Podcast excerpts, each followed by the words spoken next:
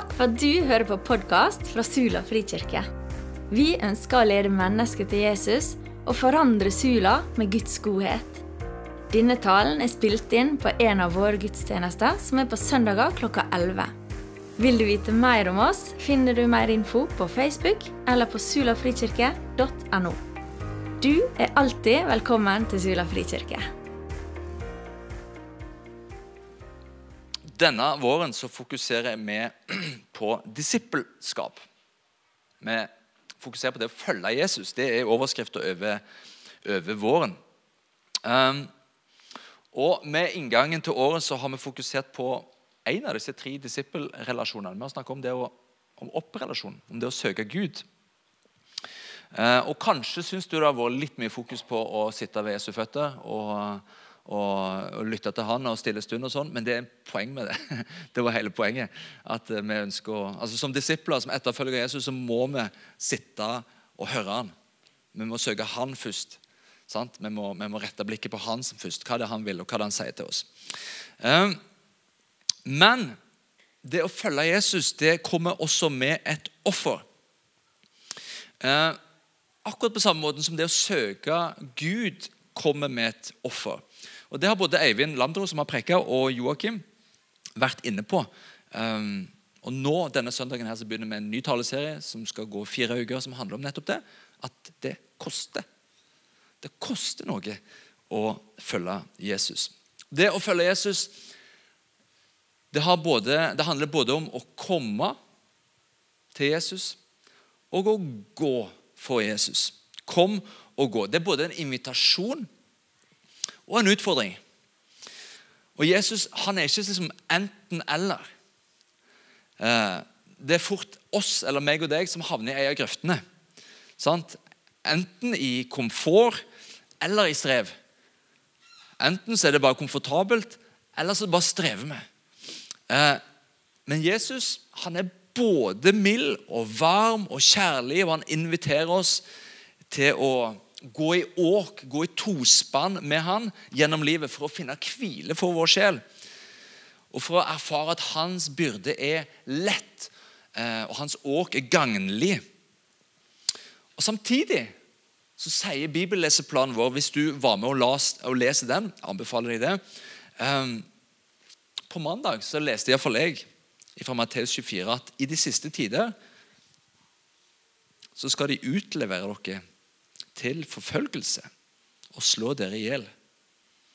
Og vi skal hates av alle folkeslag for hans navns skyld, sier Jesus.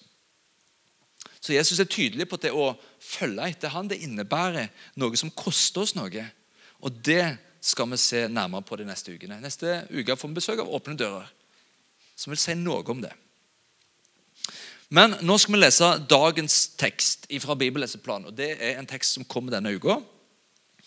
Eh, og Hvis du har med deg Bibelen, så kan du slå opp i Markus kapittel 1. Og Hvis du ikke har med Bibel, men vil lese i en bibel, så ligger det Bibel bak eh, med inngangen der. Anbefaler å ha med Bibel på, på gudstjeneste. Gjerne noe å notere i, sånn at det er lettere å huske det vi snakker om. Eller hvis Gud minner deg på noe, så har du noe å skrive det ned med. Eh, jeg lurer på om jeg skal rett og slett litt sånn i respekt for Guds ord og i ærefrykt for Han som er Ordet. Skal vi reise oss opp så skal vi lese Guds ord sammen fra Markus 1, vers 16-20.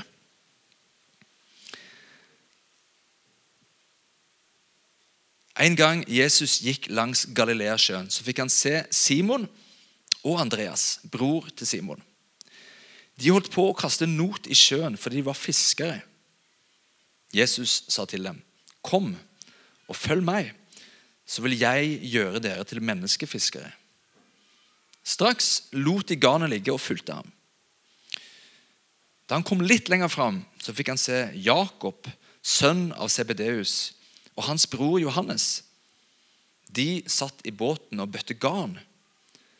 Da kalte han dem, og de lot faren, Sebedeus, bli igjen i båten sammen med leiefolkene og fulgte ham. Slik lyder Herrens ord. Vær så god, sitt.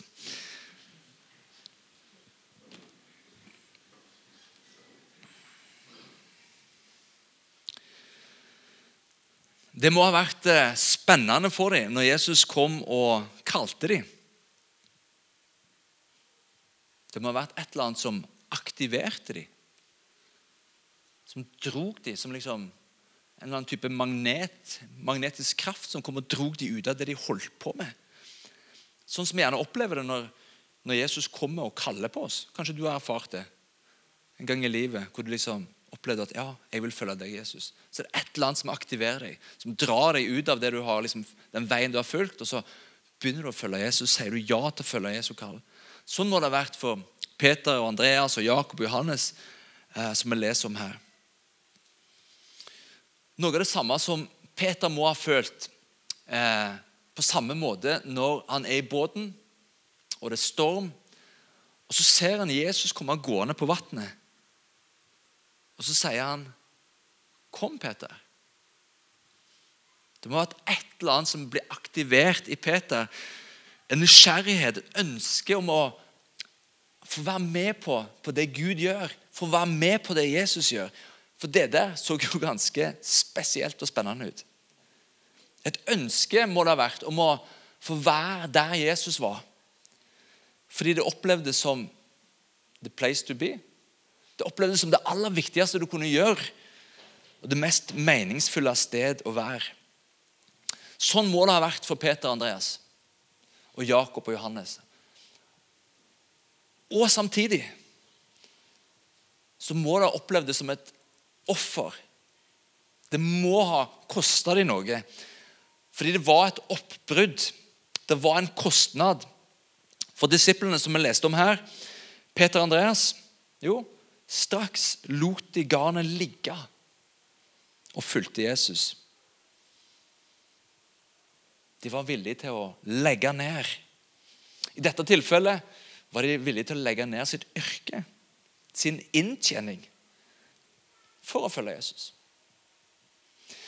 Og Jakob og Johannes, som vi leser om etterpå, jo, hva står det om de?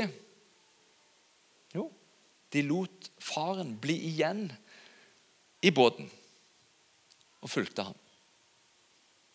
Og På den tida så hadde de I dag er det morsdag, sant? Ja, med respekt for mor. På den tida far var det stor respekt for.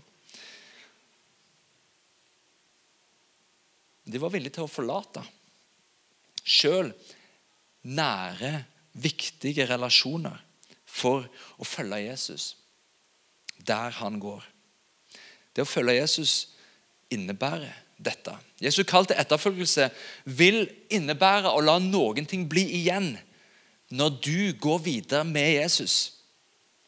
Noen ting som kan komme i veien for oss, for at vi helhjertet kan kunne både høre hva han sier, se hvor han går, eller lydig handle på det han kaller oss til å gjøre.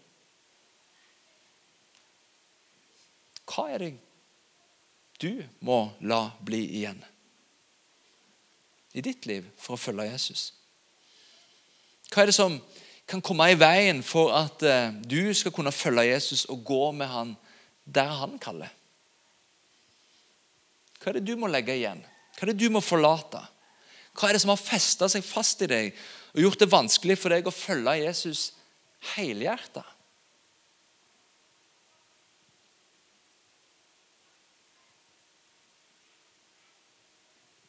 Kanskje er det noe synd du må si nei til. Eller syndige mønstre du må la bli igjen. Si nei til. Det går jeg vekk ifra. Kanskje er det noen relasjoner som kommer i veien for at du skal følge Jesus. Kanskje er det noen som har dårlig innflytelse på deg. Som drar deg en annen vei enn den Jesus går. Kanskje det er noen eiendeler som du må la ligge igjen. Fordi at det blir så mye å bære på du får overvekt. Det blir så mye å ta seg av. Du klarer ikke det samtidig med å følge Jesus der han går. Fordi det spiser opp all tida di, eller alle kreftene dine. eller? Hva er det vi må la ligge igjen? Kanskje kan det være frykten din som er med å holde deg tilbake igjen. Fordi det å følge Jesus det vil innebære å trosse frykt. Frykt vil vi alle kjenne på. Frykt vil stoppe oss alle. Noen ganger skal vi våge å gå videre og trosse frykt. Jeg har lyst til å lese om en disippel. Jeg skal ikke si det er favorittdisippelen min, for det er veldig mye favorittdisipler. Men en, en jeg har stor respekt for, da. og det er en som heter Ananias. Og Ananias han var en disippel som gjorde det som disipler gjør, egentlig veldig enkelt. Han lytta til Jesus' stemme. Og så var han lydig og gjorde det Jesus sa. Bare hør ifra apostelgjerningene kapittel 9 og vers 10. I Damaskus så bodde det en disippel som het Ananias. I et syn sa Herren til han, 'Ananias.' Han svarte, 'Her er jeg, Herre.'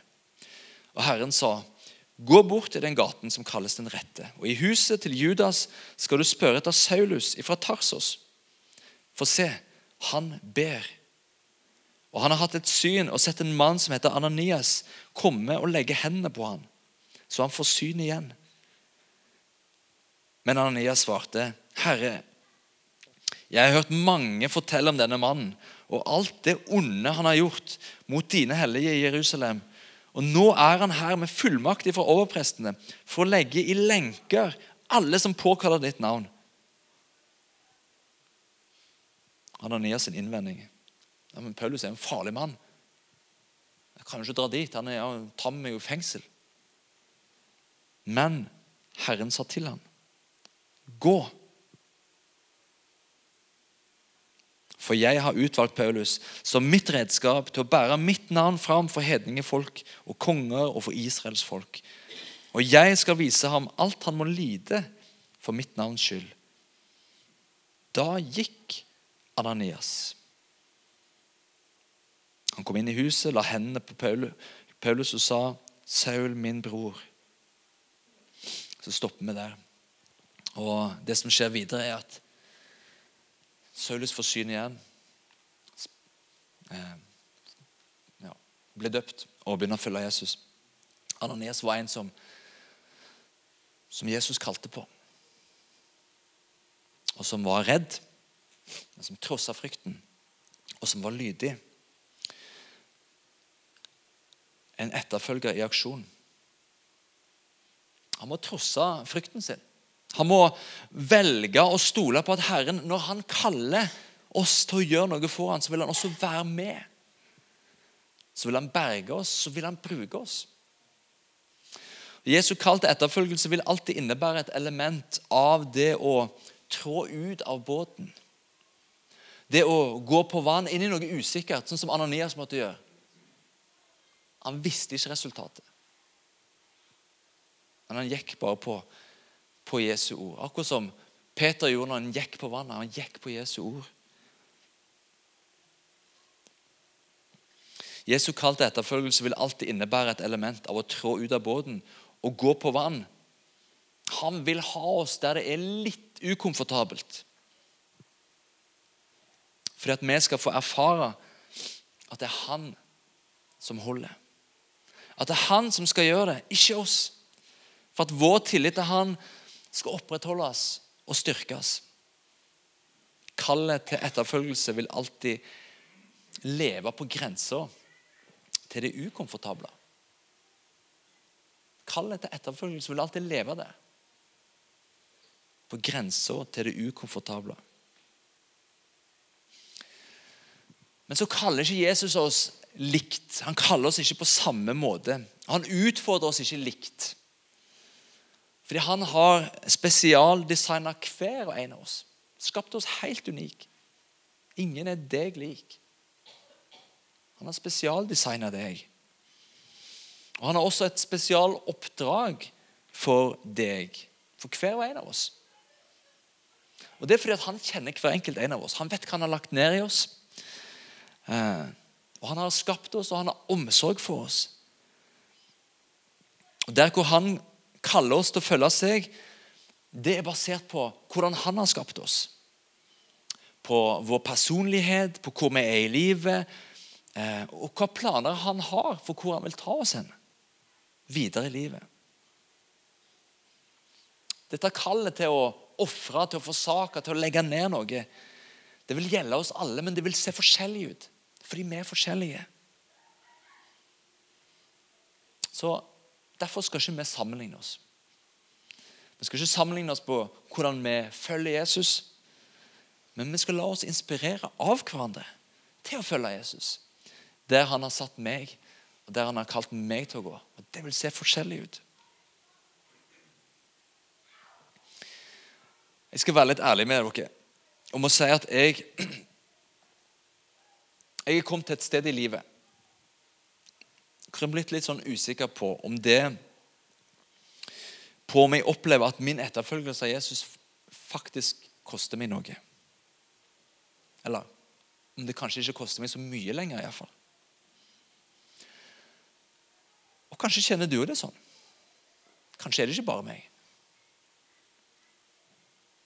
Jeg sier ikke at jeg ønsker å ha det sånn. Jeg sier bare at det har blitt sånn. Og det bør i grunnen gjøre meg litt urolig. For jeg er litt sånn usikker på om jeg har tilpassa min etterfølgelse til, at, til, det jeg opplever som trygt, og til det jeg opplever som komfortabelt.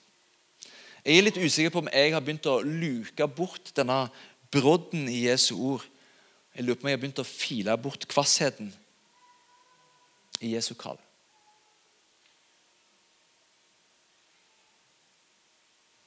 Og så stiller jeg meg sjøl dette spørsmålet Om det ikke koster meg, om jeg ikke opplever å ofre noe i det å følge Jesus, så er jeg litt sånn i grunnen usikker på i hva grad jeg faktisk følger han, og går der han kaller meg til å følge som Joakim ville sagt, om jeg bærer hære på ene ære På det ene ære jeg vil hære på. Det var ikke det helt eh, det, da? Det var kanskje en trøtt versjon. Men om vi bare hører på det ene øret som jeg sjøl ønsker å høre på, av det Jesus sier til meg For noen år siden så valgte jeg å å gå på Encounter School of Mission for noen år siden. Eh, online, utadrettet bibelskole. Flere her i menigheten gjorde det. Eh, og jeg gjorde det fordi jeg ville utfordres. Fordi jeg ville at det, det å dele tro med vanlige folk, eller folk jeg ikke kjente, skulle bli mer naturlig for meg. Fordi jeg ville det skulle være naturlig for meg å, å be for mennesker hvor som helst og når som helst. Eh, og Det å følge undervisningen det koster meg veldig lite. Men, å, men praksisen, det å en dag i uka skulle oppsøke mennesker for å starte trossamtale, for å spørre om jeg kunne be for dem, for å dele ord som jeg fikk fra Gud til dem, eh, det koster meg veldig mye. Og det koster meg veldig mye å gjøre det alene. Veldig mye å gjøre det alene. Eh, så når året liksom var over, så kjente jeg det var veldig deilig. Ferdig med det. Kanskje var ikke jeg designa for å være en sånn eh, gateevangelist. Det faller seg ikke så veldig naturlig for meg. Men allikevel, jeg kjente at jeg ble veldig fort komfortabel. Og I fjor eh, da begynte jeg i en ny jobb da jobba jeg kun på hovedkontoret til Frikirka som leder for menighetsteamet der. Og Det er en jobb som jeg fortsatt har, eh, men nå kombinert med det å være pastor her i 40 eh, Men jeg kjente meg fort utilpass i denne nye jobben når jeg jobba kun der. Eh, jeg kjente meg utilpass fordi det, jeg opplevde at det begynte å bli litt sånn, det var vel komfortabelt for meg.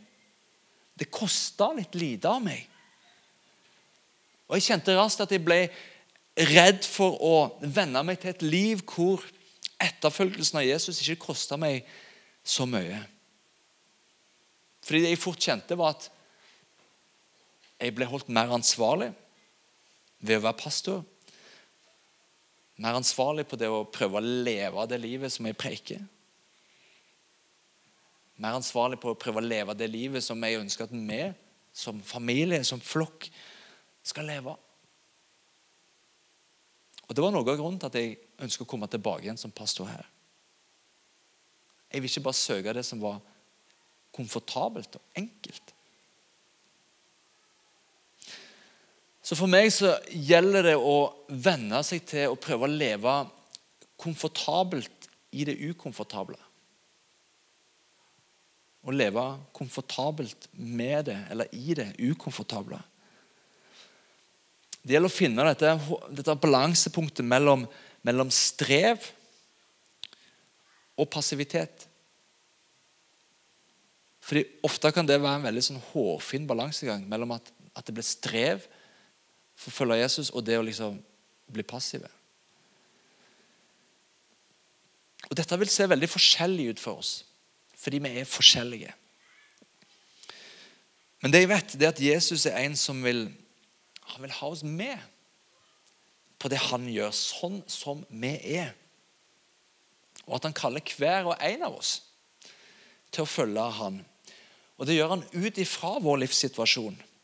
Det gjør han ut ifra vårt energinivå. Det gjør han ut ifra våre tidligere erfaringer.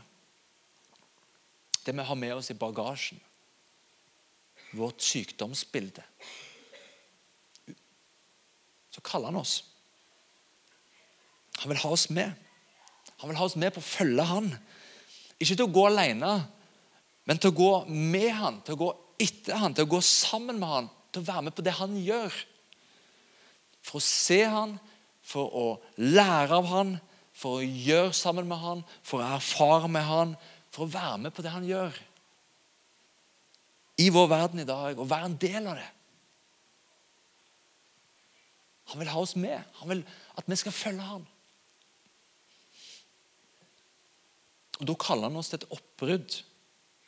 Han kaller oss til å forlate, til å legge ned noen ting. Til å ofre noen ting for å kunne følge han der han går. Og Det vi ofrer eller det vi legger ned, det gjør vi alltid helt frivillig.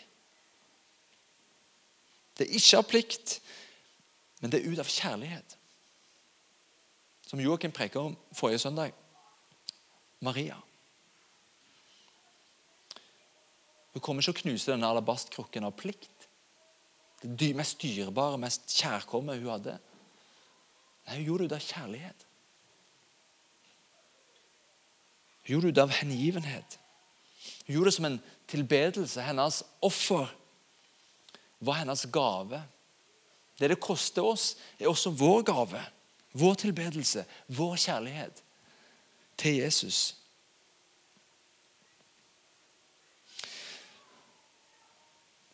Min treghet til å følge og til å lyde, til å la det koste noe eh, og la det være litt ukomfortabelt Min treghet til dette kan også handle om at min kjærlighet til han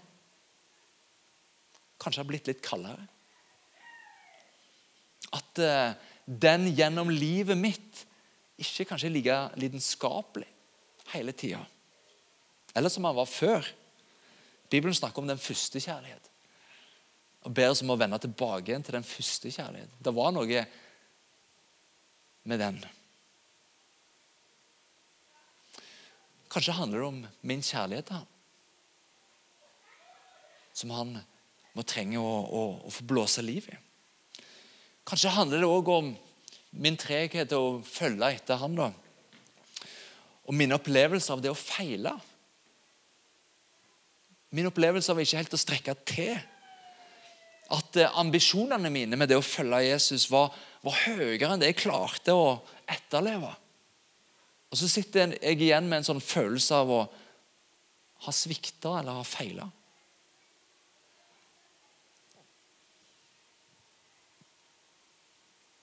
Kanskje det er det som gjør meg litt sånn litt bakpå. Peter, som jeg leste om Petter var jo en som hadde opplevd akkurat det samme. Og Han gikk så høyt ut. Og Hvis du leste Bibelen, leser planen vår denne uka, så leste du at om du så går i døden, Jesus, så skal jeg gå med deg. Sånn? Høyt ut. Og så vet vi hvordan det endte. Jeg skal aldri svikte deg, sier han. Men det gjorde han. Så det sang. Han svikta så hanen sang. Peter fikk første gang kallet til å følge Jesus, til å forlate alt og følge han på ei strand. Og Nå etter oppstandelsen så møter Jesus ham på ny på ei strand. Med nye sjanser. Og Så spør Jesus Peter Peter, elsker du meg? Tre ganger så fornekta Peter at han, at han kjente Jesus. Og Tre ganger så spør Jesus Peter på ny elsker du meg. Elsker du meg, Peter? Tre ganger så får han muligheten til å bekrefte sin kjærlighet til Jesus. Til slutt så sier han, 'Jesus, du vet alt.' Du vet jo at jeg har deg kjær. Du vet jo at jeg elsker deg. Og så fornyer Jesus kallet til Peter og sier, 'Følg du meg'. Følg du meg. Og Kanskje kjenner du deg litt grann som Peter i din relasjon til Jesus. At du har svikta. At du trenger å ja, fornye den relasjonen. Vet du hva? Den samme Jesus som kom til Peter på stranda, den samme Jesus er her nå. Han er midt iblant oss. Han er her med sin ånd. Og Han spør deg og meg som føler at vi har svikta og at vi har feila, spør han oss elsker du meg. Elsker du meg? Og Hvis du kjenner det sånn, så bare si det til han. Si det til han akkurat der du sitter. Si det til han. Du vet alt, Jesus.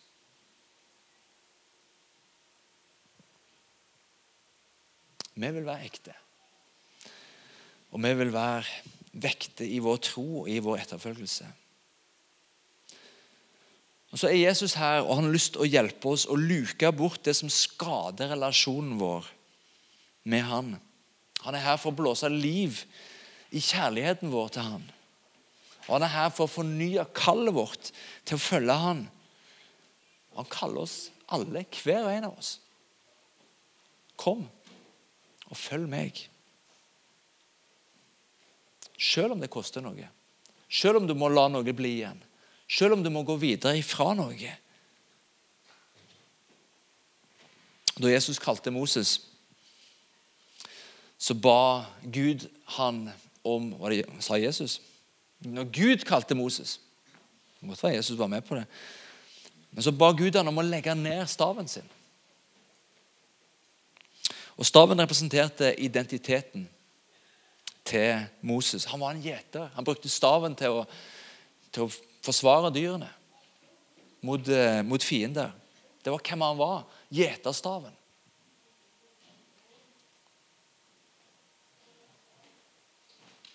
Gud ber Moses om å legge ned. Legge ned identiteten sin. Legge ned hvem han var legge det ned for Herren. Når han legger ned staven, så blir staven levende. Og Så plukker han den opp igjen, og så blir det en stav igjen. Men etterpå i Bibelen så heter det aldri Moses sin stav lenger. Staven er blitt til Guds stav. Du leser ikke mer om Moses sin stav, du leser om Guds stav. Guds stav, som var i Moses sin hånd. Og Når vi legger ned noe for Gud. Det som representerer vår identitet. Så blir det Guds. Så blir det noe som er i Guds hender, som Gud kan bruke til å gjøre det han vil. Så at han kan handle i oss og gjennom oss. Jeg har lyst til å bare la det være litt stille nå. Så jeg har lyst til å utfordre deg. Er det noe du kan legge ned rent fysisk akkurat nå. Et eller annet symbolsk som representerer deg. Som du kan legge ned for Herren. Som representerer Jeg har lyst til å legge dette ned, for jeg ønsker å gå videre. Jeg ønsker ikke at noen ting skal hindre meg Jeg ønsker å ofre noe. Jeg ønsker å gå, la noe bli igjen. Hva kan det være? En konkret fysisk ting. Som du har her og nå. Som du kan legge ned fysisk. Som en handling, som en respons på Jesus sitt kall. Kom og følg meg.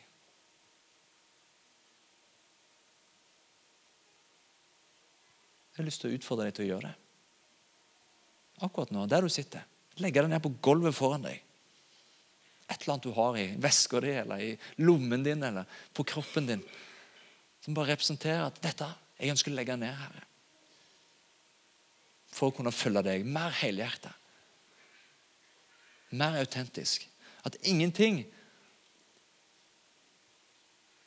skal lenger forhindre meg i å følge deg.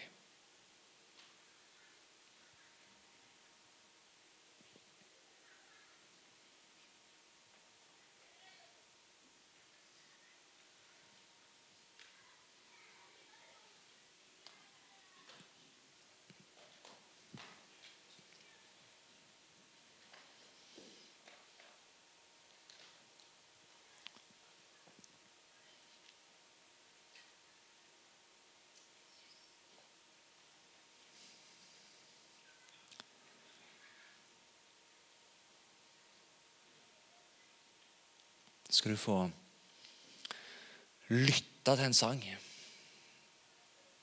Bare ta imot. Herre,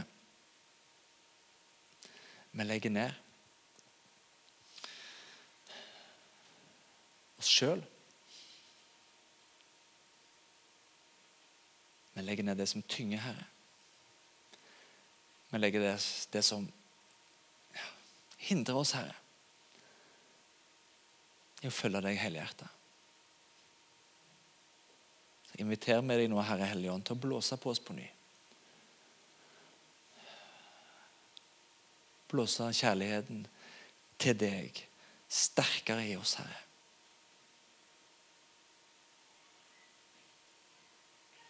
Vær så god, Henrik.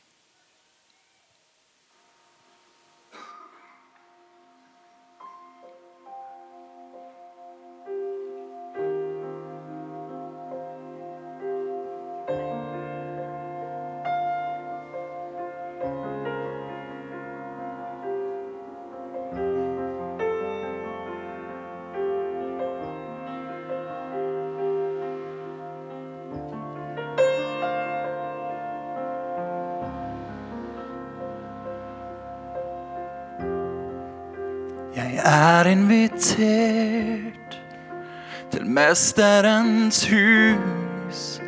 Jeg står der med åpne armer.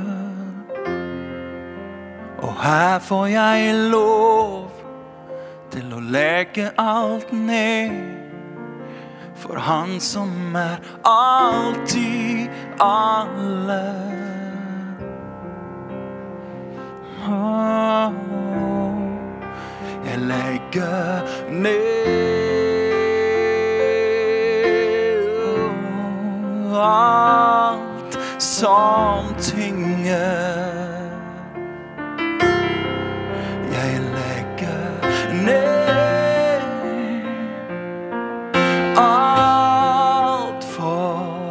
Deg.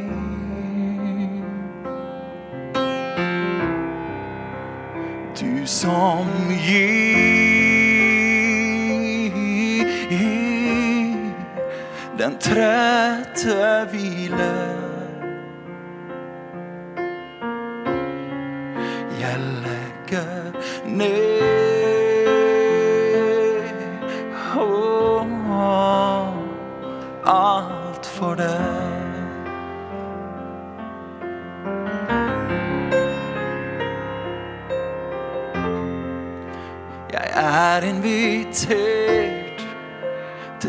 Frelserens hus. Han står der med knuste hender. Din død ga meg liv og rett til å stå.